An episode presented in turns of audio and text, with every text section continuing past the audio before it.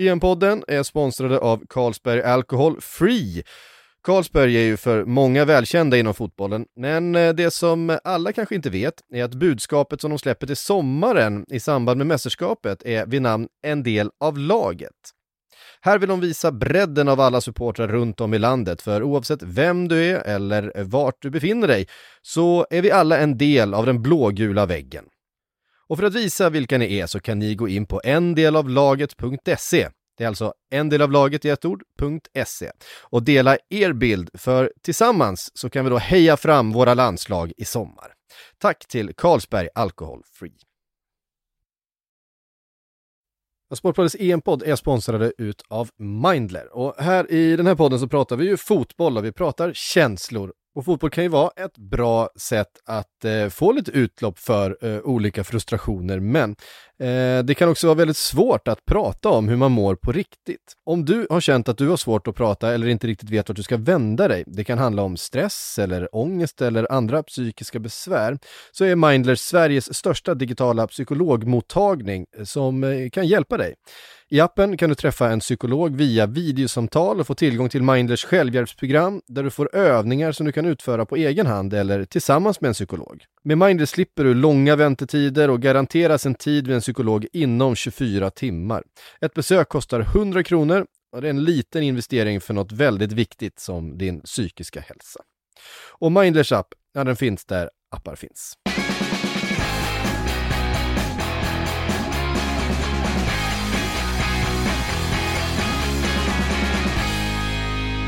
Sportbladets EM-podd. Eh, det har varit en eh, omtumlande 12 timmar här sedan Sverige då förlorade den eh, åttondelsfinalen mot Ukraina efter ett Eh, mardröms, eller mardrömsövertid får vi säga.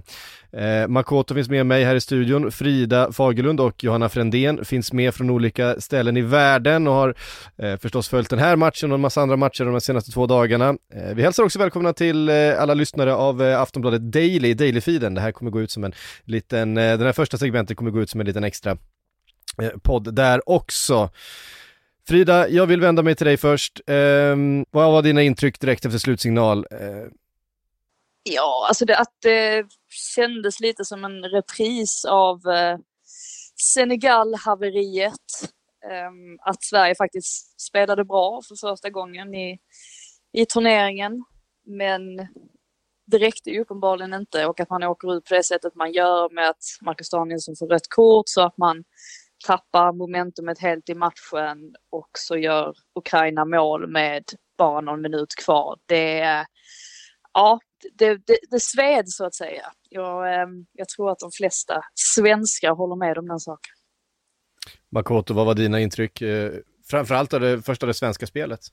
Ja, alltså jag tycker det svenska spelet var, jag tycker de gör en av sina bättre matcher i den här turneringen och det är det som på något sätt blir symboliskt att man har gjort tre matcher där man kanske inte alltid förtjänat resultaten man har fått, gör ett så pass bra gruppspel ändå med sju poäng, går vidare, gör sin spelmässigt bästa match och sen ändå lyckas åka ur på marginaler. Och det är just det att i ett mästerskap, då blir det ju marginalerna som fäller avgöranden, om det så är som Frida nämnde, mot Senegal 0-2 eller om det är mot Nederländerna 0-4, så det är marginaler som avgör och det var det ju verkligen i det här fallet också med röda kortet och sen dessutom trippelbytet precis innan det röda kortet ska inte förglömmas att den tajmingen kunde ju inte varit värre. Och sen då tilläggstidsmålet som avgör alltihopa när alla i princip bara väntar på straffar så att det är ju ett otroligt snöpligt sätt att åka ur på för Sverige, det är inget att snacka om. Nej. Johanna, du berättade precis här innan vi satte igång att du gillar ju att gräva ner dig och grotta ner dig i misären efter en sån här eh, förlust. Eh, hur långt har du kommit i din process? Jag har eh, kommit halvvägs kanske, någonting sånt där. Men jag, jag menar, det här, det var som jag försökte säga direkt efter slutsignal igår när vi pratade om det i, i Sportbladets webb-tv. Det, var, det är en klassisk svensk förlust och jag tror inte vi ska underskatta jag ska inte säga värdet av det, för det är lite svårt att se nu, men eh, alltså på något sätt dramaturgin och sättet som det här gjordes på, alltså ett svenskt antiklimax, helt ett västgötaklimax som vi säger det jag kommer ifrån. Eh, och precis som andra talare har påpekat så, så är det ju precis, alltså det är ju ett jävla straff alltså för Sverige spelar äntligen bra fotboll. Och jag börjar tänka, vad får det här för konsekvenser om nu Jan Andersson vet att när vi spelar liksom dåligt och tillknäppt så går det vägen, när vi spelar ut så går det åt helvete. Jag tror att det här kan få, det här kan sätta liksom äh, sår i generationer framöver. Men, men jag menar, återigen, man, man måste kunna uppskatta den bombastiska förlusten lite grann också. Den, den gör ju ondast och jag, jag, jag föredrar nästan någonstans den här typen av smärta mot att det skulle varit, ja, inte vet jag, eh, 30 minuters, eller säg att Sverige aldrig hade lyckats kvittera Ukrainas tidiga mål då, alltså i, under ordinarie matchtid och bara legat på, legat på, legat på. Då hade, ju bara, då hade man ju varit liksom sur på dem. Nu kan man ju bara känna liksom en uppgivenhet och någon form av eh, nästan liksom existentiell eh, ångest över att det, det, blev, alltså att manuset var så jävla illa skrivet för Sverige helt enkelt. Precis, och det är ju den där situationen, vi var inne på den, eh, såklart det röda kortet, eh, Danielssons stämpling, Danielssons eh, rensning, eh, blev också ganska omdiskuterad precis efter det hände. Det är såklart ett väldigt obehagliga bilder. Nu kommer jag inte ihåg namnet på den ukrainska spelaren, men länkar ju av och man, man misstänker att det är någonting trasigt i det där knät efter vinkeln som det befann sig i. Frida, det har varit, eh, Gary Lineker gick ut väldigt tidigt och sa att hur kan det där vara ett rött kort? Andra säger det är ju det absolut mest röda kortet någonsin. Eh, vad är dina känslor? ja, men jag ska vara helt ärlig och säga att när jag såg det hända så hade jag samma uppfattning som Gary Lineker. Alltså att jag förstod att Marcus Danielsson har inga onda intentioner här. Han försöker rensa undan en boll. Det är ukrainaren som dyker upp vid, ja, alltså fel, fel plats vid fel tillfälle ungefär. Och eh, åker på då en, en väldigt trist skada för hans del som verkar hålla honom borta för resten av VM. Sen kan jag ju förstå, alltså när man ser repriserna, att jag kan förstå att det står i regelboken att det där ska vara rött kort. Jag tycker att det blir hårt eftersom att Danielsson som sagt inte, inte menar att det ska gå på det där viset och hans, det såg man ju också att Danielsson var helt oförstående när han var ute på planen och även Lindelöf som såg situationen i realtid. Och där kan jag också hålla med Lineker om att ibland när man ser situationer sådär i slow motion, i repriser gång på gång ur, ur alla möjliga olika vinklar så blir det ju värre också. Men som sagt, jag kan inte sitta här och påstå att det inte är rött kort när alla domare i världen menar att det är det. Jo, det, det, är väl roligt. Så mycket kan man ju säga. ja, jag, det är ju så.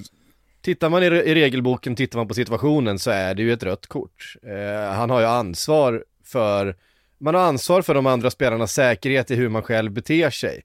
Eh, så kan man väl sammanfatta det. Han, han har ansvar över sin egen sula och sitt sträckta ben där den befinner sig när det finns en spelare i närheten.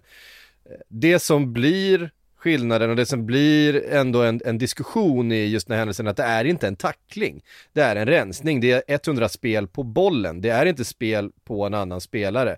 Eh, det är så i alla fall, tror jag, som Danielsson själv känner det, för att det är en, det är en boll det är inte en 50-50 situation han kliver in i. Han är ju, han är ju långt, långt före Ukraina in eh, i situationen och på bollen.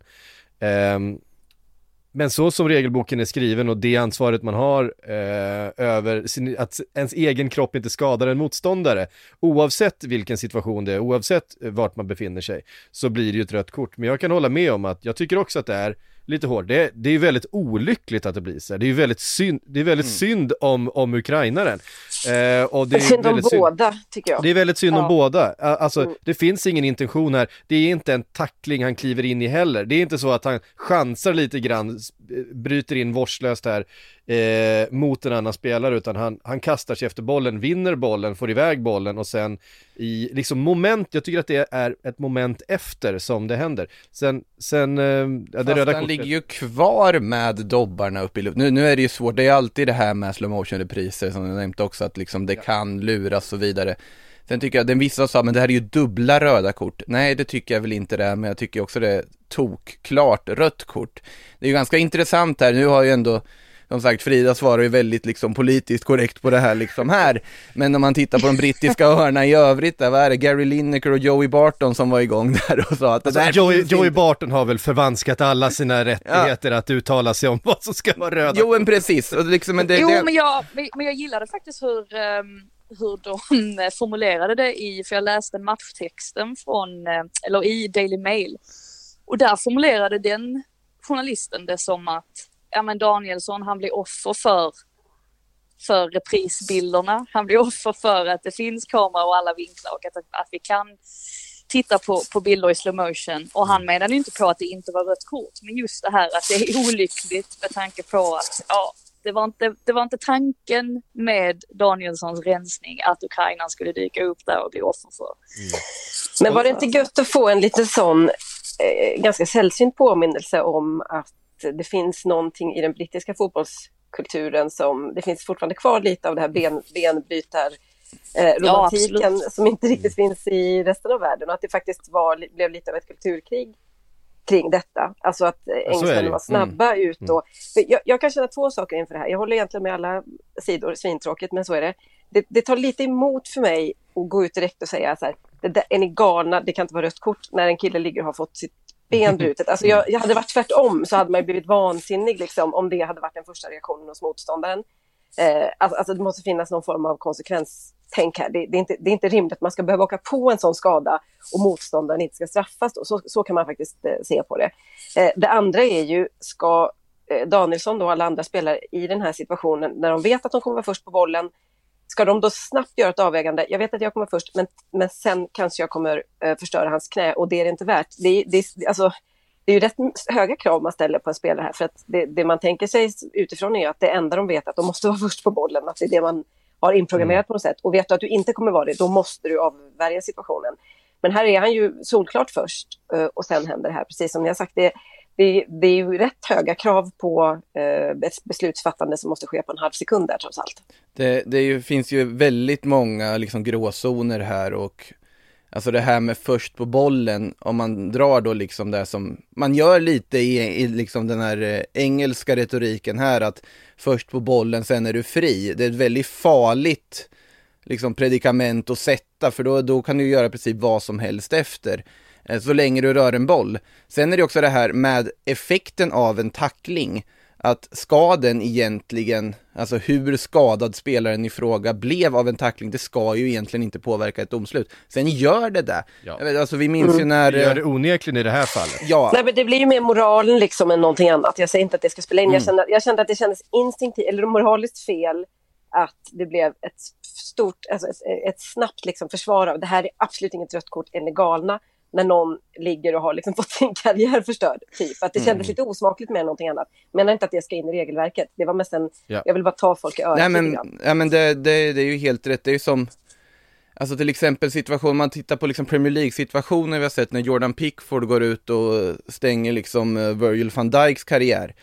Han vill ju inte ja, liksom stänga Virgil van Dijks karriär, karriär. hoppas vi inte. Nej, karriär, alltså säsong, säsong, säsong, inte karriär. Nu, jag, jag såg, såg rädslan i Psyks ögon där, vad har du läst för något?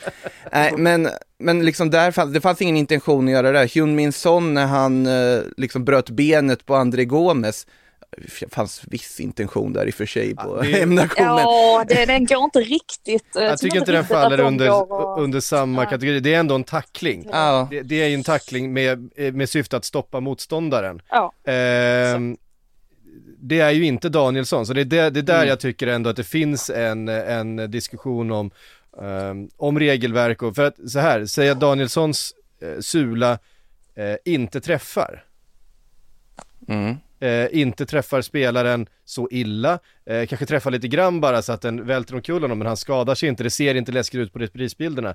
Kommer domaren plocka upp det där röda kortet då? Det, Nej. tror- det tror inte jag. Nej, och Eh. det är ju en, alltså det är ju, men det är avsiktligheten är ju inte med i bedömningen här. Eh, ju. Så att det handlar inte om om han ville förstöra, alltså ville skada honom eller inte, utan det är ju bara utfallet som räknas, eh, som jag förstår jag- det. Det är jag- klart att det är godtyckligt och det är orättvist och det går, det går att vrida och vända på den här situationen jättemycket. Jag tror ändå man kanske till slut landar i samma, att det, det, blir inte, det kan inte bli perfekt, men det går inte heller att, det går inte heller att säga så här, den där situationen var okej, eh, nu spelar vi vidare, antar jag. Gary Lineker kanske would beg to differ, men Ja, nej, eh, hur som helst, han visade sig ut, Sverige fick spela med tio man eh, i ett väldigt tufft läge där man dessutom hade gjort ett offensivt trippelbyte bara, bara, alltså sekunderna innan, eh, det hade det ens gått en minut eh, mellan, mellan bytet och det röda kortet. Eh, så... Är det fel fokus att tänka kul för Helander att få lira på hemmaplan? Helander som ju hade någon slags, lite av en mardröm också sen han eh, kom in där och fick spela de här sista eh, minuterna utav eh, förlängningen. Inget lätt läge att komma in Nej, det, det, är ju ett fruktansvärt läge att göra sina första EM-minuter ja. i. Eh, och, och det var jobbigt, det var jobbigt för hela det, det svenska laget och det, det märktes hur det påverkades. Ehm, för att planen blir ju helt enkelt den, nu måste vi bara hålla ihop det här och försöka vinna det här på straffar. Mm. Och att ställa om det från en match där Sverige faktiskt har fört spelet, dominerat, varit det bättre laget på plan. För det som kommer in, vi har, vi har, ett, vi har många förlorare här, men kanske den största förloraren av alla, jag vill, vi måste prata lite grann om Emil Forsberg, ja. som ju kommer in i den här matchen och spelar kanske bättre fotboll än vad han någonsin har gjort. Han, han har ju verkligen vuxit under den här turneringen och han har, han har ju den här formen, han, har, han är ju också den där spelartypen som är precis det man behöver när man är ett lag som Sverige som är normalt sett stabilt, ramstarkt, alla kan sina roller, eh, försvarsspelet sitter, vi har en målvakt i form och så behöver man den där lilla extra, den där som avgör matcher och precis den den formen är Emil Forsberg just nu. Man lider ju lite med honom att han inte får fortsätta visa upp sig under det här eh, mästerskapet för att han var ju det svenska anfallet igår, eh, Makoto. Ja, alltså han var ju helt strålande, eh, alltså rent ut sagt. Eh, tycker han har varit bra även tidigare i turneringen också. Det är ju bevisligen då när han hade då tre mål på kontot när han gick in i den här åttondelsfinalen och sen, alltså det är ju återigen marginaler. Det är ju den där ribbträffen, alltså det hade ju varit, ja, Jarem, Jarmolenko hade inte haft turneringens vackraste mål som han gjorde tidigare i turneringen mm. om Forsberg hade satt den där när han dribblar sig in, vänder in och avlossar och stolpträffen och så vidare. Han gör ju en fantastiskt mästerskap på alla sätt och vis och häftigt att se och det ska bli kul att se om han kan liksom bibehålla den formen med sitt nypåkritade kontrakt i Leipzig här i Bundesliga under hösten. Mm. Men såklart otroligt tråkigt att turneringen tar slut redan nu för honom. Men det finns ju många andra stjärnor som man kan tycka det också om att det är synd att de inte får spela kvartsfinal heller. Johanna, fick du också vibbarna från Anders Svenssons stolpträff mot Senegal? Ja, verkligen. Och tyvärr så hade jag en ganska dålig känsla från när det där började hända, för man vet att... Jag, tänk, jag, jag tänkte, den ribbträffen, precis, alltså sekunder efter, min första tanke var, fan, det här är Anders Svensson mot Senegal. Ja, Nej men det blir, precis blir ju den känslan. Det är lätt att det där börjar äta sig in i tror jag, ett lag också. Nu menar jag inte att man automatiskt sätter den i stolpen nästa gång bara på grund av det. Men, för det var den ordningen. Va? Men, men, men visst börjar det kännas som att det här går, alltså Sverige eller Forsberg då framförallt har liksom ett enormt flyt och det är, han flyger eller flyter runt i den här matchen. Och, men det, och om det inte går att konkretisera och liksom göra mål av det utan det blir den där typen av eh, nära, nära, nära situationer så tycker jag oftast att det är ett lite dåligt omen. Man kunde redan där se liksom nu var det ju overkligt att det skulle bli så extremt dramatiskt och så på sekunden att, att Ukraina avgjorde och så, men att det, det kändes ändå som att det, det, var, nej, de där måste sitta om man ska säga så. Nu går det inte heller att säga, så det var inte så att han missade öppet mål, utan han skapade de här chanserna, eh, framförallt ribb, eh, träffen helt på egen hand så det går ju, jag menar, det går inte att hålla någonting mot Emil Forsberg här. Det enda är ju att eh, känslan var, började krypa sig på det att äh, det här är, påminner för mycket om andra matcher som har liksom mm. eh, flutit iväg från Sverige när man har haft eh, känt på, på trävirket. Liksom. Det, är inte, det är inte en bra signal oftast. Nej, och det var ju the usual suspects, både för Sverige men även för Ukraina. Jarmolenko och Sinchenko är ju de två spelarna som ska göra det för eh, Ukraina, Frida, och det är de två spelarna som gör det i slutändan. ja, det är ju det. Um... Alltså det, ja, alltså det som känns hårt också det är ju givetvis att det handlar om Ukraina som man åker ut mot som ju inte har sådär jättemånga många stjärnor på det sättet. Um, det hade ju varit kul med en match mot England exempelvis där Sverige hade klivit in och sen så hade de mött då ett lag med väldigt många profiler och det fick vi ju aldrig riktigt chansen här. Alltså visst Spanien, men Spanien har inte så många av sina stjärnor kvar ju så att, eh, eller de har inte så många profilstarka namn längre. Ehm, Ja, eh, vi får väl se hur uh, Ukraina sköter sig härnäst. Mm. Jag tror ju i alla, i alla fall att de kommer få det svårt mot England, eller de borde få det svårt i alla fall. Och lite på tal om usual suspects, Johanna, de Ukraina har ju en, ett trumfkort i den här matchen och det är ju i den situationen när de slänger in Malinowski mot ett ganska tröttkört Sverige, mot ett Sverige som redan står ganska djupt och det finns liksom ytor för honom att, att operera på. Han har ju oerhört mycket boll efter att han kommer in och det är ju såklart en av deras absolut bästa, bästa offensiva spelare och det, det förändrar matchen lite grann när han eh, kommer in och framförallt eh, är han ju väldigt eh, betydande i den där förlängningen. Ja, och jag läste någon som skrev, en gammal kollega som skrev på Twitter igår att fast vill man verkligen starta med Dejan Kulusevski, vill man inte kunna kasta in honom? Och det är klart att det är, det är ju, det finns ju en poäng att ha ett sånt trumfkort att kasta in. Malinovskij mm. hade ju startat äh, samtliga tidigare matcher som jag förstod det för Ukraina om jag inte missminner mig. Och så, mm. så, så, att det, äh, med, förutom den händelsen att han möjligtvis var lite, hade någon känning då, så kanske det var, så är det ju ett, alltså det är ju ett det är extremt listigt och klurigt och lurigt och, av, av Shevchenko att göra en sån manöver. Eh, och det är klart att det, det kändes ju inte livsfarligt när Sverige kastade in Quaison och Berger och kanske ens Claesson, inte riktigt faktiskt på samma sätt. Men, men visst, nej det hände jättemycket där och, och, och jag, jag vet ju också att Sverige var ju, de var ju totalt, de var jätte, jättetrötta och, och hit och dit. Men hade det gått och försöka lyfta upp en eller annan boll. Liksom var, var, det, var man tvungen att bli så totalt nedpressad? Det, det, är svårt att spela med tio man, men återigen, det finns ju exempel på när det också ställer till det för motståndarlaget och nu, här var det ju verkligen bara Sverige som betalade. Jag förstår det, det är förlängning, det, det är trötta kroppar och det är ett mästerskap i ett gruppspel i, i benen och så, men eh, om man nu ska börja leta detaljer och där är vi väl nu så, så kanske man, man, kanske skulle våga gått på ett eller två eller tre avslut även med tio man. Det kanske inte går, jag vet inte. Jag har aldrig varit i den situationen, men, men det var, det, Sverige kröp ju verkligen ihop uh, här. Alltså, det är klart mm. att sånt straffar sig. Det, det, man, man måste kalkylera med att det kan straffa sig.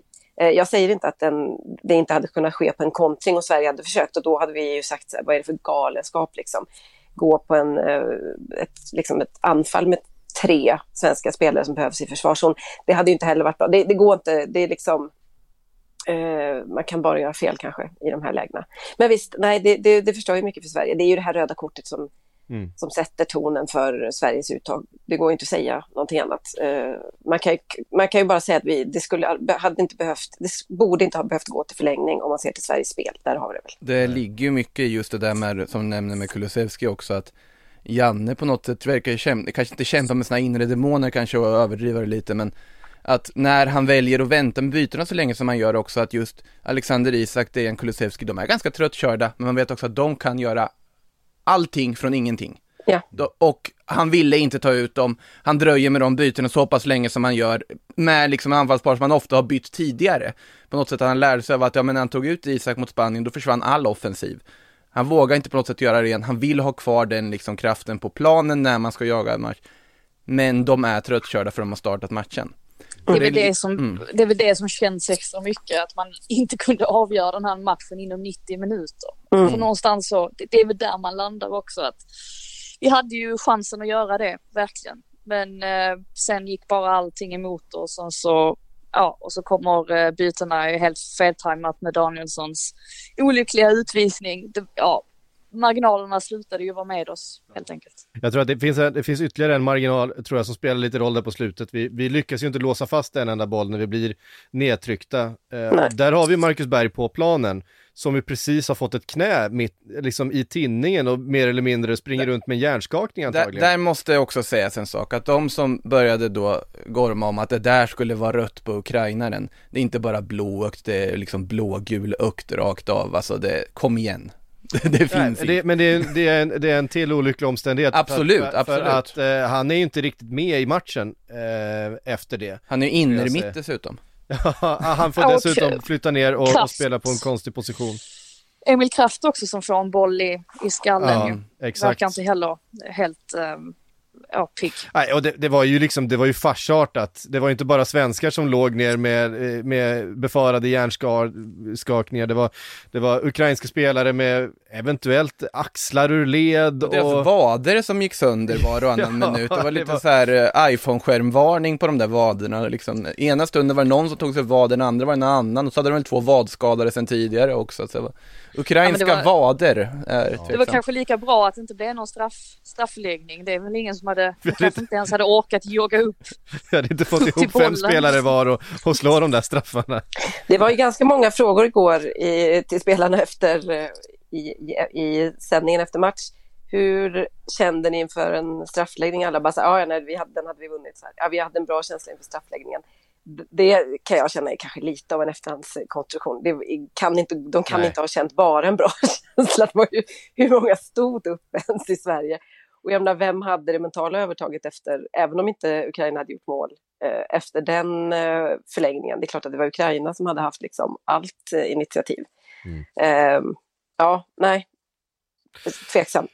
Ja, ehm, det om det. Sverige utslagna, Ukraina vidare, kommer möta England i eh, kvartsfinalen då, England som slog ut Tyskland. Vi ska prata mer om den matchen och de övriga eh, åttondelsfinalerna från eh, måndagen och tisdagen, men först några ord då från vår sponsor.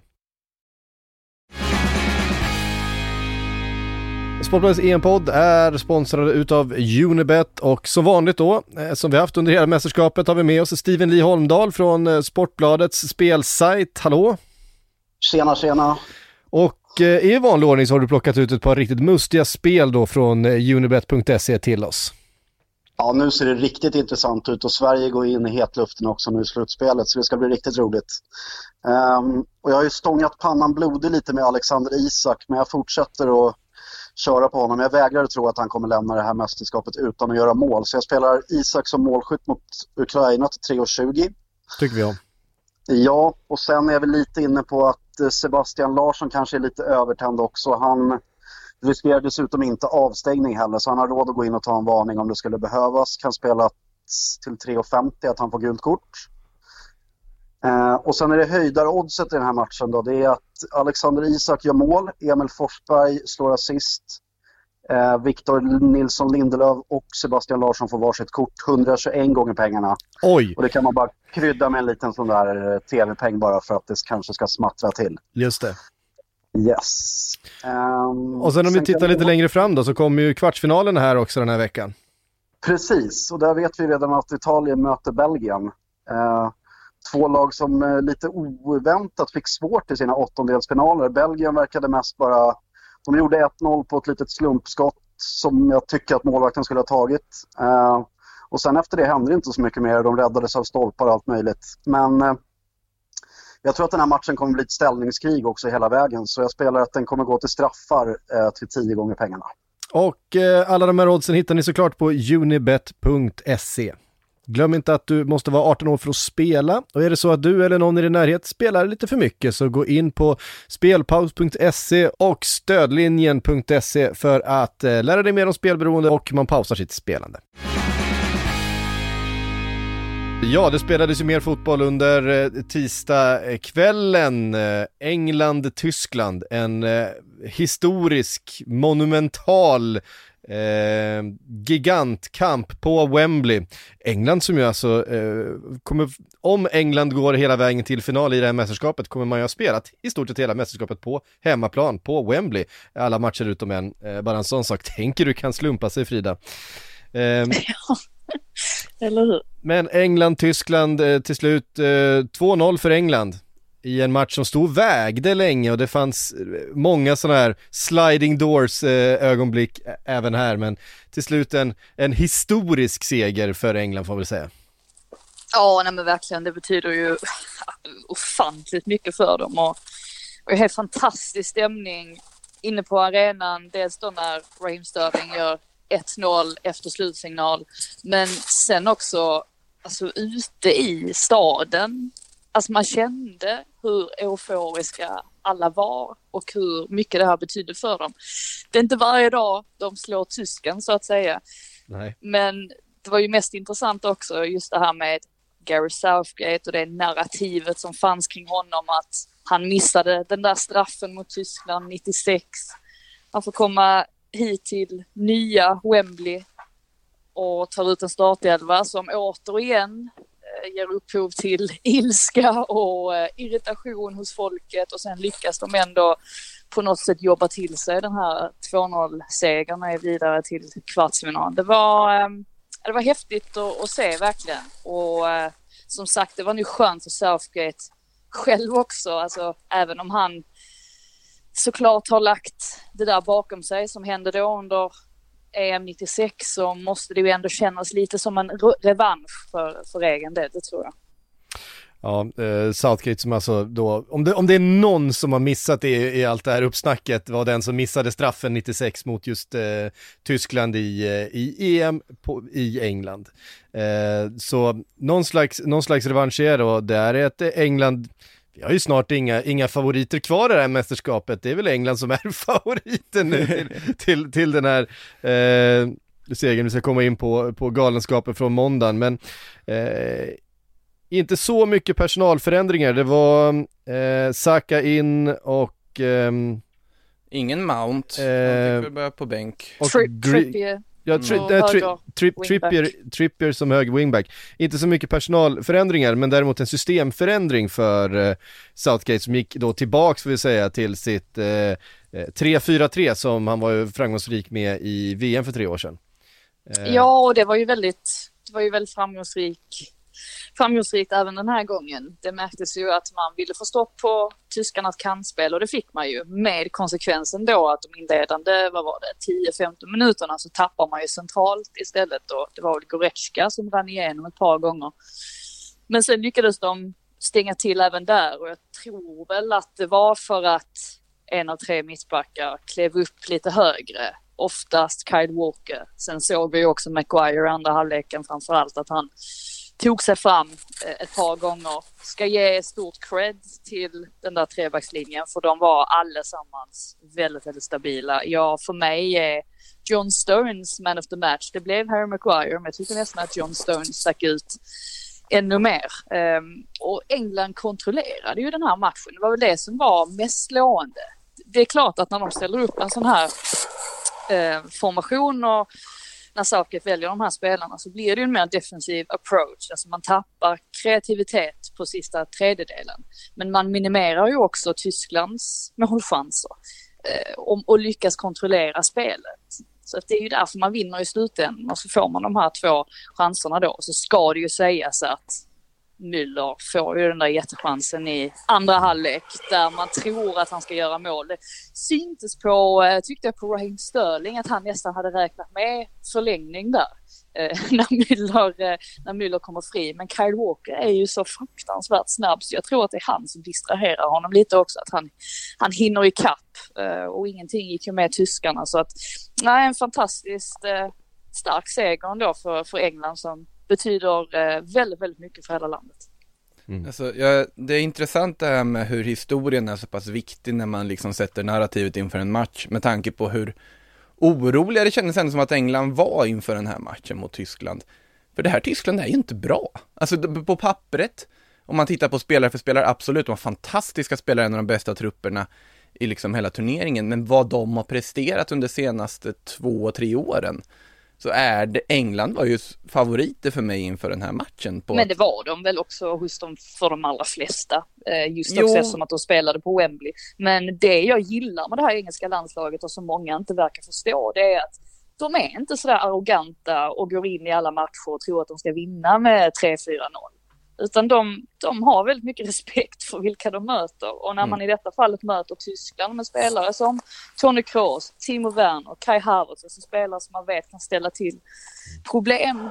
Då, eh, då, är det väl, då tycker jag det är helt rätt att gå in med den, med den inställningen på något sätt. Det är en turnering. Alltså den, den, den turnering vinner man ju oftast om man har tätt försvar eller att det i alla fall är en av de absolut viktigaste komponenterna. Så där tycker jag att England har fått de bitarna på plats. Sen är det klart att det finns mer att önska av själva spelet och ja, som sagt, hade Müller gjort det här målet, hade Werner satt sin chans där i, i första halvlek, då hade vi kanske suttit här och, och pratat på ett annat sätt. Men eh, det var som eh, Roy Keane sa efter mötet med Kroatien, tror jag, att så länge man vinner matcher så spelar det ingen roll hur man vinner.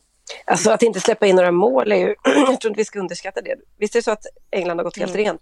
Ja. Och jag menar, det är ju efter fyra matcher, det är de ganska ensamma Mm. om av storlagen. Är de helt ensamma möjligen? Ja, måste Ja, väl vara, för de. Italien har ju släppt in mål nu. Om man räknar Och- förlängning ja. Ja, det är i och Eh, det kanske man inte gör. men- ja, hur som helst, vi kan, vi kan ju räkna som vi vill. Kan konstatera att det är ett extremt eh, styrkebesked från England som kanske har kommit lite i, i skymundan för, för allt annat. Så det har varit mycket fokus på att inte, eller fram till igår, att inte Harry Kane hade kommit Och han gör ju en ganska dålig match utöver, eh, en ganska anonym match utöver, förutom målet och så. Och att, jaha, ska Sterling göra alla mål eller kan vi inte göra mål och så. Men jag menar, det, det är ju nästan alltid försvarsstarka lag som eller de som vinner ett EM har nästan alltid ett bra försvar. Det är väl det man ska, kan konstatera. Sen är det ju inte alltid att det är deras enda så eh, goda egenskap. Det, givetvis inte, men det är oftast ett väldigt gott tecken och det tycker jag talar för England vidare i turneringen. Sen, sen kan man ju fråga sig också om det skulle ha dykt upp ett rött kort på Calvin Phillips eller Declan Rice. Jag antar att på den brittiska puben så var det väl inte någon som tyckte det skulle vara det, men, men det går väl att diskutera i alla fall. Shit happen! Ja, ja alltså, visst och det märktes ju också att Kevin Phillips dels så kom ju han lite fel in i matchen.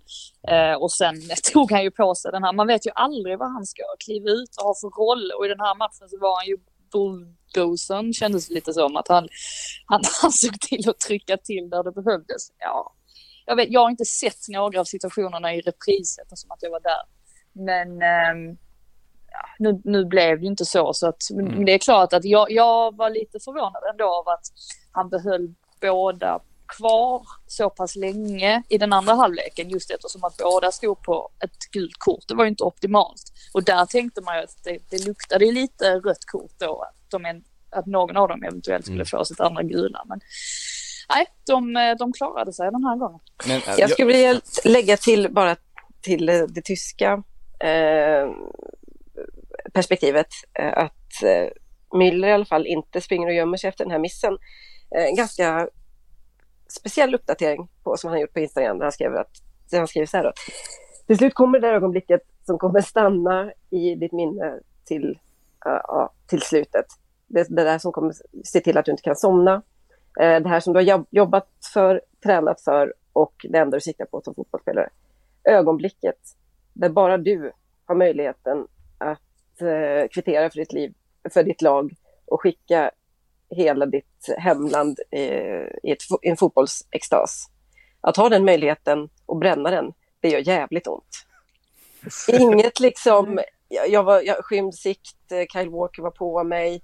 Det är sånt som händer, vi vinner som ett lag, förlorar som ett lag. Nej. Utan det här är, han tar på sig detta. Det tyckte jag var, är ja, väldigt nu får jag nästan Thomas- lite ont i hjärtat.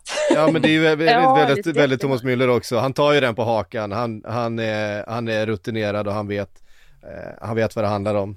Eh, och, och det gillar man ju. Och man, jag gillade ju att Thomas Müller var, var från start i den här matchen. För, för Jogge Löw gjorde ju, till skillnad från Southgate, lite fler personaländringar i sin startelva jämfört med eh, den senaste matchen. Eh, in kom Timo Werner från, med sin första start, eh, eh, Thomas Müller från start, eh, Goretzka in istället för Gündogan till exempel. påtvingat dock det sistnämnda där att Ja. Gündogan missar ju och det på något sätt kändes det som en blessing in disguise på förhand, inte för att Gündogan är en dålig fotbollsspelare men för att Goretzka visat ganska tydligt och visar den här matchen också att han han behövs för det här Tyskland. Sen är det ju ett slöseri, fortfarande ett slöseri av resurser att spela Joshua Kimmich som en högerback. Det är fascinerande att han liksom inte reagerar på någonting som sker, att det liksom händer ingenting. Jo visst kommer Serge Gnabry in, men by- dubbelbytet är när Sané och eh, Emre Can släpps in i minut 88 av en sån här match. Jamal Musiala som på nästan egen hand vände den där matchen mot Ungern när de såg ut att faktiskt åka ur i gruppspelet. Han dyker inte upp förrän på tilläggstid, nästan ett hånfullt sent byte. Och det är ju så att om man tittar på hur det tyska folket reagerar på det här, det är inte Thomas Müller som bär något hundhuvud. Det är ju snarare han som stod på sidlinjen och coachar dem som får ett väldigt tufft slut på en eh, lång förbundskaptenskarriär i Tyskland som ändå liksom sammantaget måste anses som framgångsrik på liksom VM-guldet och Verkligen. alltihopa. Men det har ju svärtat ner hans legacy de här sista åren. Han overstayed his welcome väldigt tydligt på ett sätt som ja, som nu har kulminerat i två ganska väldigt pinsamma uttåg ur mästerskap för ett land som Tyskland. Mm. Alltså jag håller med om att eh, uttåget i VM i Ryssland var ju otroligt pinsamt. Det får inte hända. Det här är ju ett eh, det här är faktiskt ett 50-50 läge. Det går inte att säga något annat med eh, vad Tyskland hade att ställa på plan och vad England hade att ställa på plan. Däremot är det ju inte, det är klart att det resonemanget kanske inte går hem i Tyskland. Men man, jag tror inte man ska glömma det att Jogi Löw är väldigt populär i Tyskland. Alltså, han var kanske illa ute efter, och det var väl rimligt efter liksom uttåget ur VM i Ryssland och så. Men det är fortfarande så att han är, alltså, går hem i stugorna hos väldigt många och att att många tyckte att han förtjänar den här chansen och att det, det, det, var, det här är snöpligt såklart, men det var väl ändå ett steg upp från det liksom, uttåget i, i gruppen. Jag tror inte man behöver skämmas så mycket över att ryka mot, mot ett gäng eh, Premier League-stjärnor trots allt. Fast det är ju sättet de ryker journalisterna, på. Journalisterna är, är trötta på honom i alla fall. Jag, jag pratade med någon eh, inför matchen som sa att I like the team, don't like Yogi Löw. Mm. det var väldigt, väldigt rakt. Nej men så är det ju. Och, jag menar, det, och det är ju det som har varit det dominerande i, i uh, medierna. Men jag tycker i alla fall när man pratar med tyskar, tysken på gatan, ni får ursäkta, eller ni får överkänna med att det kanske är tre jag känner där, så verkar de flesta liksom tycka att, att så här, ja, ja, alltså det, han har också gjort mycket, han har gjort jättemycket bra för vårt land. Det, det kanske inte är så svart och vitt som i Nej som det, som, man får, alltså, som det känns i media, men tyska medier, vi pratar mycket om brittiska medier, tyska medier är inte så långt efter när det kommer till att eh, liksom skicka folk på över ättestupan. Det är de verkligen ganska bra på där också och igår också med Thomas Müller, liksom, hur kan du missa här och vad är det som händer och så. På ett sätt som vi inte skulle göra i Sverige, men att det kanske inte alltid kor eh, korrelerar helt med uppfattningen hemlandet. Det är, min, det, var min, det är mina tre cent för vad jag har plockat upp från tyska jag känner. Ni får ta det för just vad det är. Alltså oavsett vad man tycker om liksom Jogi Löws gärning så tycker jag ändå det känns som att det här mästerskapet, ja det är 50-50 mot England, men om Tyskland hade imponerat under gruppspelet på något sätt och liksom visat Nej, någon form av tendens. Det är en annan sak. Det är en annan sak att det har på något sätt varit samma alltså icke-fungerande maskineri som det var när man förlorade mot Nordmakedonien inför turneringen, att det liksom, det funkar inte. Jo visst glimrar man till mot ett Portugal som är förvånansvärt passivt i den matchen, absolut, med de individuella kvaliteterna det här laget har. Men matchen mot Ungern man gör, matchen mot Frankrike man gör där man ändå är ganska liksom överkörd även om man inte blir det i resultattavlan. Ja. Det, det, är inte bra nog liksom. Nej, och det, det är väl det här som är dilemmat eller mysteriet kring detta Tyskland, att det är extremt långt mellan lägsta högsta nivån. Normalt mm. sett har ju, har ju Tyskland extremt hög lägsta nivå och ja. en för all del väldigt hög högsta nivå också.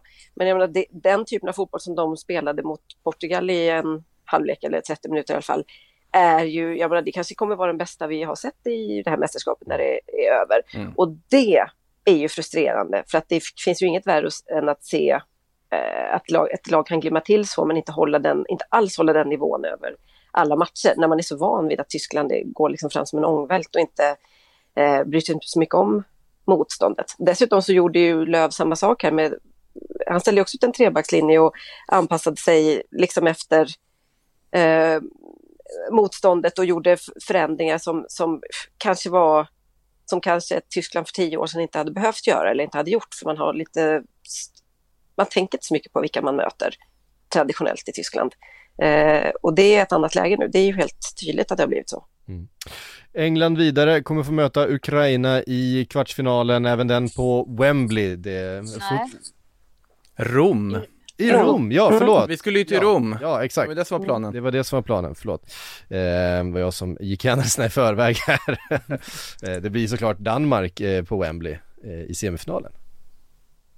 Om, det, det ja, om, om, Danmark slår ut Tjeckien ja. Om det, om det blir så. alltså, nu, nu är det väldigt många steg. Ja, ja, ja. Nu, nu skickar, först, först är det Danmark-Sverige i semi, nu ska vi ha Danmark-England i semi istället. Jag tror inte du ska underskatta tjeckerna heller faktiskt. Nej, alltså jag, jag vet mm. aldrig med dem.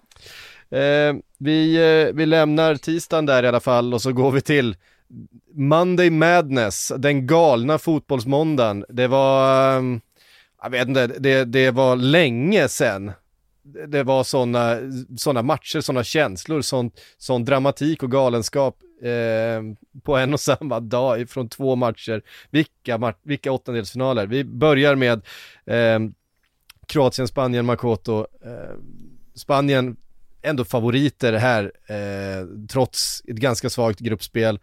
Eh, men Kroatien också från ett ganska svagt gruppspel. Eh, Ja, vad ska man säga, 3-3 fulltid, eh, Spanien 5-3, eh, vinner väl på en bredare trupp eller? Ja, det gör de väl också. De vinner ju på spetskompetens också. Såklart Alvaro Morata får väldigt, väldigt mycket skit. Vilket mål han gör. Ja, men han gör ju ett mål här också. Det är han som tar dem vidare med det här målet och otroligt skönt för honom för det har varit mycket skit som är totalt obefogad också. Man kan tycka att han inte ska starta matcher, men någon gräns finns det liksom på det Morata har fått utstå här under den här turneringen och Luis Enrique har verkligen hållit honom om ryggen det måste vara otroligt skönt för alla parter att Morata gör det här målet och skickar dem vidare. Sen, ja alltså det här Spanien gör ju mig inte klok på något sätt. Det liksom där man tittar på laget, jag har ju varit milt sagt kritisk mot eh, Luis Enriques trupputtagning och så vidare tidigare, där man kände bara, men Unai Simon är en fin målvakt. Ja, visst, han har gjort lite tabbar ibland i Atletic, men det, det är fortfarande en högoktanig, duktig målvakt. Och så gör han det här när han bara släpper igenom eh, Pedris pass rakt in i eget nät. Eh, bizarr situation, där trodde man att nu ryker de ju rakt av. Sen hämtar de sig ändå, Pablo Sarabia, han kanske inte är så dålig trots allt, till exempel.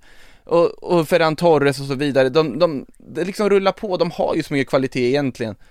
Och sen bara rämnar det ihop igen i slutet på något of, oförklarligt sätt egentligen när Kroatien hittar någon sorts andra liv, hittar tillbaka, och där tänker man att Kroatien bara ska liksom sväva vidare, men då hittar Spanien tillbaka på något sätt som ändå gör att jag tror inte vi ska räkna bort dem i den liksom totala striden om det här EM-guldet. Sen hade det ju varit bara ett stort långfinger mot all min fotbollsanalytiska förmåga om det här Spanien skulle gå och ta ett EM-guld, men eh, de är inte uträknade, framförallt med tanke på andra favoriter som har försvunnit.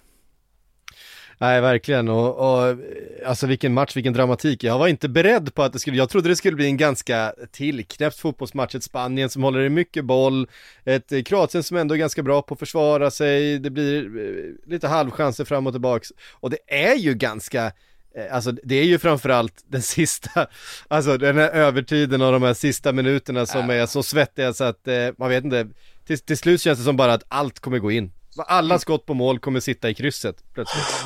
Eh, och det är när matcherna går in i det skedet som gudarna ska veta alla fotbollsmatcher inte, inte någonsin kommer till. Eh, det är ju då fotbollen är som allra bäst och man Allting handlar om känslor och det var känslor i överflöd eh, i den här matchen. Eh, vi lämnar den där tycker jag och sen så går vi över, klockan springer på er, till match med kanske ännu större och ännu mer känslor Johanna och en, en syndabock. Eh, får man verkligen säga när Frankrike, storfavoriten, den regerande världsmästaren åker ut mot Schweiz. Mm. Ja, verkligen. Nej, alltså det, det, jag, hade, jag hade så många olika ingresser eh, under den här matchens gång, eh, så att säga. Det var, det var, jag menar, det, det, det fanns otroligt många berättelser här. Det var ju, det är klart att egentligen så är den stora eh, storyn det Schweiz gör. Men det försvinner ju, och jag försökte försvara det på något sätt, eller få med det i alla fall, men det försvinner ju bort i, i omvärldens eh, ögon. Jag har släkt i Schweiz och jag vet hur, hur eh, alltså det är ett fotbollsland, vi ska inte glömma det. Schweiz tycker mycket om sin fotboll. De tycker mycket om sitt eh, nati, la nati som landslaget kallas. Många, eh, alla dessa olika språk och eh, ja, enklaver i Schweiz som, som enas kring detta och som, som liksom aldrig riktigt kommer vidare. Ja, de, de kommer till en åttondelsfinal och sen så ryker de. Mot Sverige var det senast. Eh, men det här är liksom en jättetriumf. Det här är det största som har hänt i schweizisk fotboll. I alla fall jag menar, så länge någon som lever nu har varit med och upplevt. Så att, om vi börjar där så är det ju en enorm eh, kollektiv insats för Schweiz. Det, det är en, en eufori såklart i hemlandet, men det, det, går också att titta på den här matchen och det här laget och säga att de förtjänar det. det finns inget, de stal inte den här matchen från Frankrike. De gjorde allt rätt. De spelade på topp, den absoluta toppen av sin förmåga och eh, Vladimir Petkovic har gjort ett enormt jobb med det här laget. Nu har vi sagt det, ska vi prata om Frankrike då? För liksom... ja, ja, ja, Johanna, jag vill ha en recap på vad exakt som har hänt mellan Adrien Rabios mamma ja. och eh, Pogbas och Mbappés familj. Ja, nej, alltså det, det, har, det, har, hänt otroligt mycket under det här mästerskapet som kommer fram eh, nu. Då. Jag, jag satt i, i går natt och göttade mig i Lekips eh, bakom kulisserna rapportering. Det har varit jättemycket eh, liksom spänningar i laget och på och utanför plan och eh, jag hade inte riktigt sinnesnärvaro att plocka upp det under själva matchen. Men man ser att eh, Paul Pogba eh, ifrågasätter flera av Didier Deschamps beslut. Vadå? Deschamps säger så här, nu, nu spelar ni på säkerhet. Secure, secure, säger han när, när Frankrike har eh, 3-2 då, när, när, när Schweiz har kommit tillbaka med ett mål. Och Pogba tittar på honom och bara, så här, vadå, vadå så här, ska vi inte försöka göra ett mål till? Och sen så har de även i, eh, förläng alltså innan förlängningen börjar så står de och har liksom en ordväxling där man ser att de inte alls är, är överens. Och sen så rapporteras detta då som eh, Frida pratar om på, på läktaren, nämligen att eh, Adrian Rabios, alltså här familjerna kan man säga som står där, det är Pogba-klanen, det är Rabios mamma då som också är hans Superprofil. Agent. Ja, en superprofil på alla sätt. Liksom. En, en, en fullkomligt galen kvinna får vi ju tyvärr ja, säga. Det, det, det, jag försvarade henne länge. Jag tyckte att det här var sexism och det här var elakheter och ni klarar inte av kvinnor i fotboll och så. Men jag, jag har gett upp den. Jag, jag tar inga kulor för Veronique Rabiot längre. Alltså, det är en kvinna utan sans och rim och reson.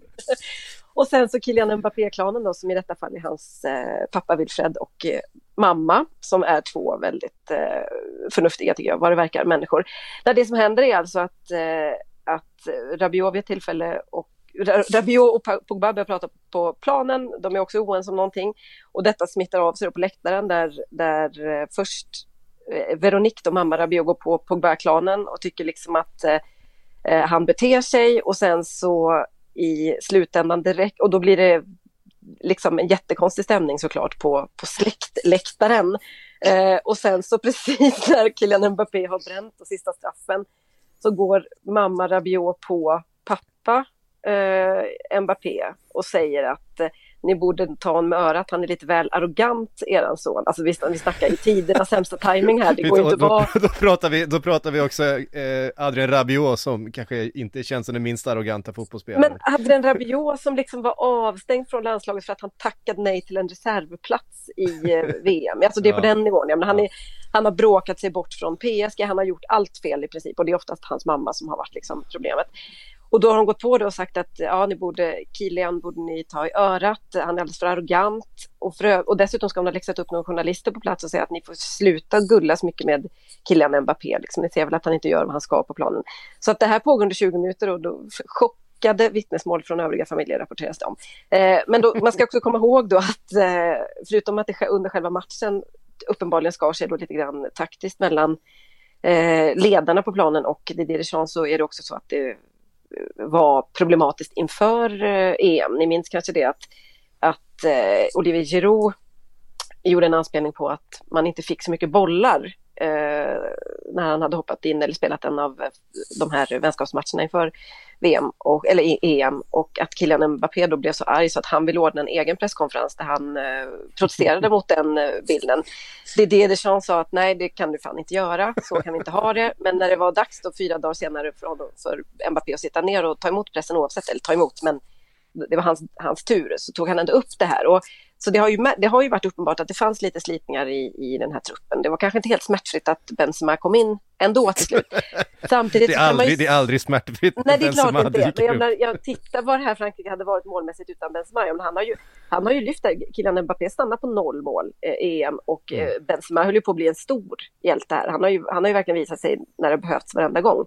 Eh, och gör mycket riktigt två mål och, mot eh, Schweiz också och eh, i ett läge där eh, där det ser ut som att det ska räcka, framförallt när Pogba dundrar in sin projektil där. Så att, nej, det, det är klart att det, det, ibland är det lätt att överanalysera och tänka att det är något som inte står rätt till i det här laget, annars kan de väl inte förlora mot Schweiz. Och så tänker man så nej men sånt kan väl hända. Men mycket riktigt så verkar det ha varit eh, mycket som inte har stått riktigt rätt till i och utanför planen i det här laget. Det ska ju vara så här. Ja, det ska ju vara så här med Frankrike. ja, det, är det. det här är det gamla Frankrike. Ja, ja. Mm. Men jag, jag, tycker alltid, alltid det är intressant just det där med äh, ja, men personkemi och mm. ja, men hur stämningen är i gruppen. För att ja. Ja, men exempelvis som, som man fick veta nu ganska nyligen att stämningen i, eh, i Sverige under VM 2006 att den var urusel. Just det. Och säkerligen påverkade deras insatser, eller bör ju ha gjort det. Men det, det, det, är klart att det gör och jag menar det är så konstigt att tro något annat att säga men de är proffs, de kan lägga det åt sidan. facket säger jag, om du har en spelare som går ut och säger till pressen, jag får inga passningar av Kylian Mbappé, i princip var det det Olivier Giroud sa, så är det klart att det, eh, alltså då har det redan synts på planen, det, ryktena har kommit ut och det har förstört liksom, eh, stämningen. Jag, menar, jag, jag, jag tycker också att det är uppenbart om man tittar på eh, dokumentären som filmar verkligen inifrån Le Bleus hela VM-resa från 2018 så ser man att det är liksom de är beredda att dö för varandra. Det är alltså enormt bra stämning och det, den går, en sån stämning går inte att fejka. Alltså till och med när de ligger under och det mot Argentina så, så hör man liksom det. Alltså de, det. Inget kan stoppa dem i den turneringen. Och känslan har ju varit här att det är inte riktigt så. Uh, och, och, som sagt, mycket riktigt. Och det är klart att det på, det kan ju vem som helst se. Det är väl inte konstigt att jämföra med att man är ett journalistgäng ute och ska liksom, uh, skriva en tidning ihop, som det hette förr i tiden och så eh, är det två eller tre som inte drar åt samma håll. Det, det går ju inte. Jag, menar, det är inte jag tycker man, be, man behöver inte leta så mycket längre än Nej. så. Så det, det, det, och det här är ju ett eh, underbetyg såklart åt eh, Didier Deschamps. Jag tror inte det går att se det på något annat sätt. Eh, det, det, är några beslut som har fattats. Han har inte lyckats återskapa den stämningen som fanns där. Och vad det beror på kan man ju diskutera, men det är, ligger bakom mycket av det här. Mm. Tycker det fanns något intressant med att Mbappé gick upp på den här femte straffen, eller ganska mycket intressanta saker där. att det, det, finns ju en viss annan stjärna som alltid tar den sista straffen i en straffläggning. Det är egentligen inte det bästa för laget att en av de bästa straffskyttarna, i det här fallet sämsta då. Ronaldo eller? Ja, att han mm. är ju liksom alltid att jag ska ta femte och sista för jag ska ta matchhjälterollen. Vem är det som går in och tar den femte och sista straffen efter att två mittbackar försökt, eller Kim Pembe och Marcus Thuram och folk har varit uppe och slagit? Jo, det är Kylian Mbappé som går ut på den femte och sista straffen. Det är intressant där, valde han att ta den femte och sista straffen? Ville ja. han ta den? Var det här krav från honom att ta den femte och sista? För han ville tydligen ta den. Ja, för Kim Pembe mm. är ju inte en bättre straffskytt än Mbappé, vanligtvis. Nej. Och där finns en aspekt, är, är liksom, också med det här med liksom hela Giro-historien och sånt där, på något sätt kan jag känna att Kylian Mbappé börjar bygga sig upp på den här ja. stjärnstatusen, att det nästan mm. hör till att du ska ha en viss arrogans. Mm. Hon kanske har en poäng, Rabios mamma. hon, hon framförde den alltså, lite klumpigt men... Jag, tycker att... Alltså, hon valde väl inte rätt tillfälle. inte riktigt men alltså... Nej men jag tycker, jag tycker absolut att eh, alla har kunnat se att eh, Mbappé, Mbappé har lagt sig till med mm. en, eh, ett arrogant mané Ja. Alltså på planen framförallt kanske, ja. och till viss del utanför planen också. Ja. Eh, som han inte hade för ett par år sedan, när han Nej. såklart då var 19-20 år gammal och Nej. hade en annan status. Nu är han liksom största stjärnan i Frankrike, han är största stjärnan i PSG, trots att Neymar är där så är det ändå P eh, Mbappé som är, eh, i alla fall i hans värld, den största mm. stjärnan i det laget. Eh, och överleva i PSG idag så måste du vara arrogant. Alltså det hör ju till på något sätt om du ska överleva i det omklädningsrummet idag. Mm. Sen bygger han ju också upp för en viss transfer till den här sommaren, om vi säger så. Att lägga på helt, den arrogansen. Ja. Det är helt rätt, alltså, du har helt rätt i det psyk och det, det, skrivs också, det tycker jag också märks att, att han surar väldigt mycket liksom och att många av de andra spelarna tröttnat lite. Man ifrågasätter inte Mbappé och det, man går kanske inte fram till honom och säger så här, Benjamin Pavard kanske inte går fram och säger upp med hakan Kilian. Men att det är liksom en lite sur stämning kring honom och jag tycker att det här syns i, i PSG också. Man ser till exempel de, de tillfällen eh, nu under covid när, när, man ändå, när jag ändå varit matcher och, och han måste, måste då gå till tv och så går pressmänniskan fram och säger killen de väntar på dig i tv och att han det är alltid så jag vill inte, nej. Och så liksom går han dit med demonstrativt långsamt och ser sur ut. Och det här var ett jobb han gjorde med glädje för två, tre år sedan. Eh, och, och, och, det, och, det, är tydligt, alltså det är inte samma liksom eh, tonåriga skärm knutte eh, alls längre. Och mycket av det här håller på att stiga honom åt huvudet. Jag tror att det är en helt riktig eh, analys. Och som sagt, mamma Rabiot var väl fel person att prata för att det är ju Frankrikes två mest arroganta tonåringar var ju ja. längre Adrien Rabiot och Kylian Mbappé. Ja. Men eh, då tycker, jag, då tycker jag man kan, då tycker jag i så fall att Pogba-klanen har, har större skäl att, att bita ifrån faktiskt. För att Pogba hade också en lik, ett liknande genombrott egentligen. Otroligt mycket förhoppningar på honom redan som tonåring och hans karriär har gått lite upp och ner. Men i Frankrike har han alltid eh, varit närvarande och svarat upp och i princip, eh, alltså han, han, har, han har ju varit och tagit sitt uppdrag på stort allvar. Eh, tagit det ansvar som krävs av honom, pratat med medierna, eh, tagit på sig förlusterna när de har kommit och varit en, en riktig ledare. Det kan man också säga att det är han som pratar överlägset mest i omklädningsrummet och så vidare. Så att det, ja, det, det, Frankrike har ett problem med, med, med, med stora stjärnor och, och egon och och divor, återigen. Det, det går inte att säga något annat, så är det verkligen. Undrar vad farbror Benz tänkte när han klev in där igen, liksom bara, jaha. Ja, Ja, men jag gör väl lite mål och... måste han ju ha tänkt. Helt ärligt. Var, det var inte det här inget jag lämnade. Nej, jag tror, och jag tror också att den som har hållit en ganska låg profil av förståeliga skäl. Han, har ju bara liksom... Han är rätt arrogant också i, i, i, sina stunder. Ja, fast på ett Ja, men han sätt. är, jag, jag vill inte, ja på ett helt annat sätt. Alltså han, han har ju en annan, helt annan bakgrund och han har ju sannoliken haft, eh, det finns många skäl att inte tycka om eh, Karim Benzema, men, men att han har liksom betett sig som en diva eller inte varit en god medspelare tycker jag faktiskt inte är en av de eh, sakerna. Ja, utanför planen Ja, kanske inte är så inte, snyggt inte världens bästa lagkamrat alltid. Nej, det beror på vad man tycker om att liksom utpressa någon på pengar för en, en, en liksom överbliven sexfilm. Men jag menar, har, det, det, sånt kan ju hända å andra sidan. Shit happens. Shit happens! Som vi säger på puben. Ja, nej, jag vet inte. Som ni hör, man kan prata mycket om det här laget och det kommer vara en eh, flera veckors, tror jag, dissekering av vem som har gjort vad. Och jag tror inte att de sista detaljerna är på mattan än, men de kommer komma fram för att det här är också ett lag i disharmoni där alla kommer vara redo att prata. Och de olika klanerna kommer nog ha nog en hotline till eh, olika journalister på de stora tidningarna och tv-kanalerna som kommer berätta sin version av sakerna. Och jag tror att det är mycket mer som kommer komma fram faktiskt. Ja, det, det som är intressant i det här också är att vi, att vi befinner oss i skevt i mästerskapscykeln här. Eftersom Mm. det är VM redan nästa år igen och vi är liksom mitt inne i det kvalet. Eh, och sen är det ju bara tre år till nästa EM. Eh, så att det kommer komma liksom ganska tätt efter varann. Eh, mästerskapen som kommer och, och med väldigt mycket viktiga matcher och frågan är, eh, kommer Deschamps leda det här laget vidare? Eller finns det en öppning för en Zinedine Zidane? Han som filar ju på sitt CV. Ja, Han men han, ju det, det, alltså, min känsla är bara att han sitter här och, och väntar in samtalet från fran- franska fotbollsförbundet. Lite är det säkert så. Ja, samtidigt kan jag tycka att det är ganska fult att ropa på Zidane bara för att han är ledig. Alltså inte bara därför. Men jag menar, det är många tror jag känner så här, det här läget kanske inte återkommer för att om eh, tre månader har han en klubbadress som inte nyper honom nu. Eh, precis som du säger så finns det väl inga, ingen garanti för att han skulle kunna lösa upp de här knutarna egentligen. Nu verkar i och för sig Zinedine Zidane ha en ganska välgörande, ett ganska välgörande inflytande på den här typen av eh, omklädningsrumsproblem. Och, å andra sidan så går det också att argumentera för att Deschamps har haft det fram till nu. Det har inte egentligen, ja menar, han, han var ju lösningen på det, det är liksom sura och, och bråkiga Frankrike fram till nu. Så att, eh, och jag, jag tror ju att vill Deschamps fortsätta och det tror jag att han vill så kommer han att få göra det för att det finns ändå tunga argument för att uh, han ska få chansen ett tag till med tanke på att det är ändå två raka finalplatser fram till nu. Uh, och förstås uh, det faktum att, han, att Frankrikes förbund, fotbollsförbundsordförande Noël Legret inte är, alltså det är en ganska konservativ typ, det är inte någon som sådär sparkar folk för att det är roligt som, som det kan vara i vissa länder. Domenech är ledig va?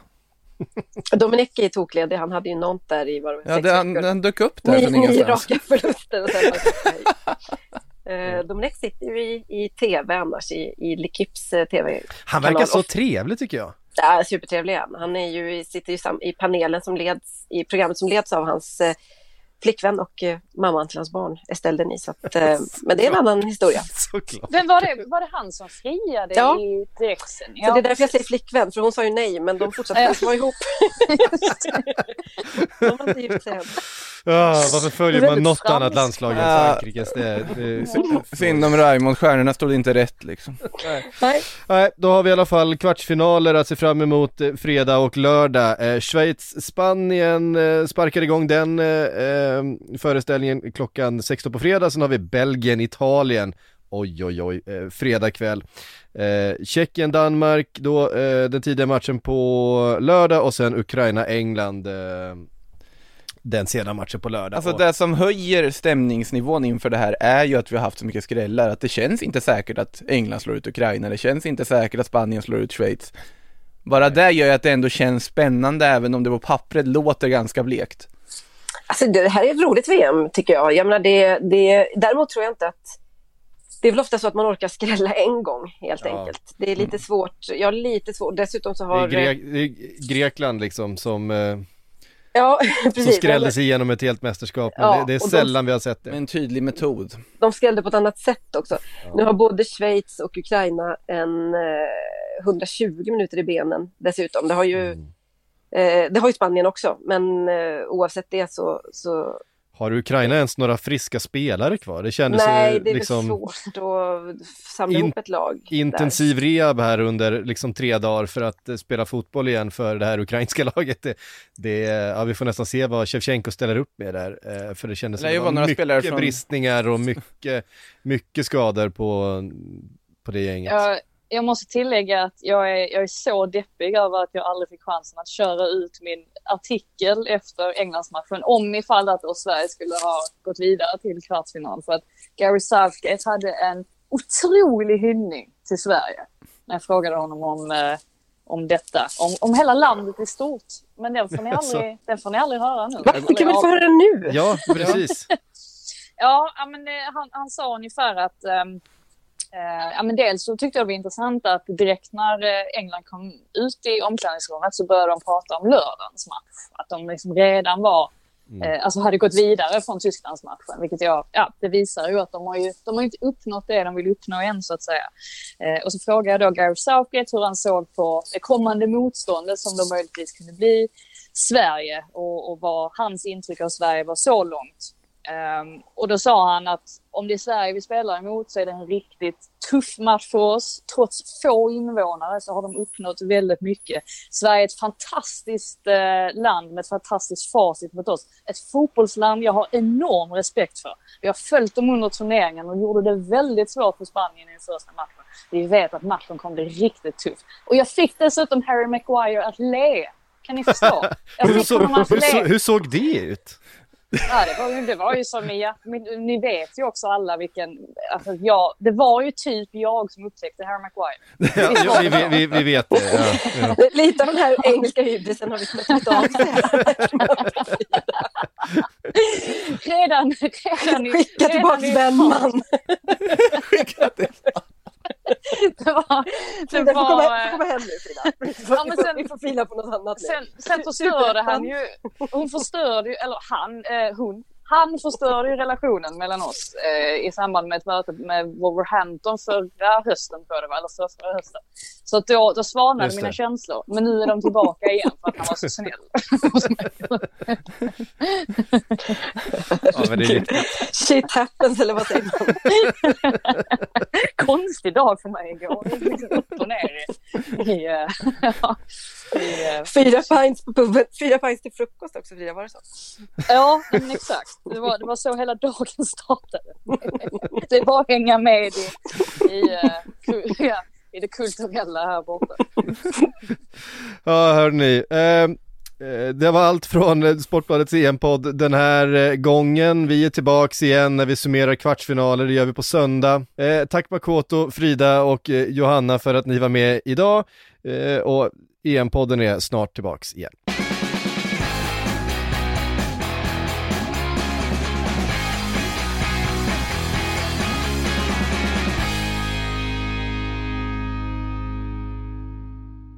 Du har lyssnat på en podcast från Aftonbladet. Ansvarig utgivare är Lena K Samuelsson.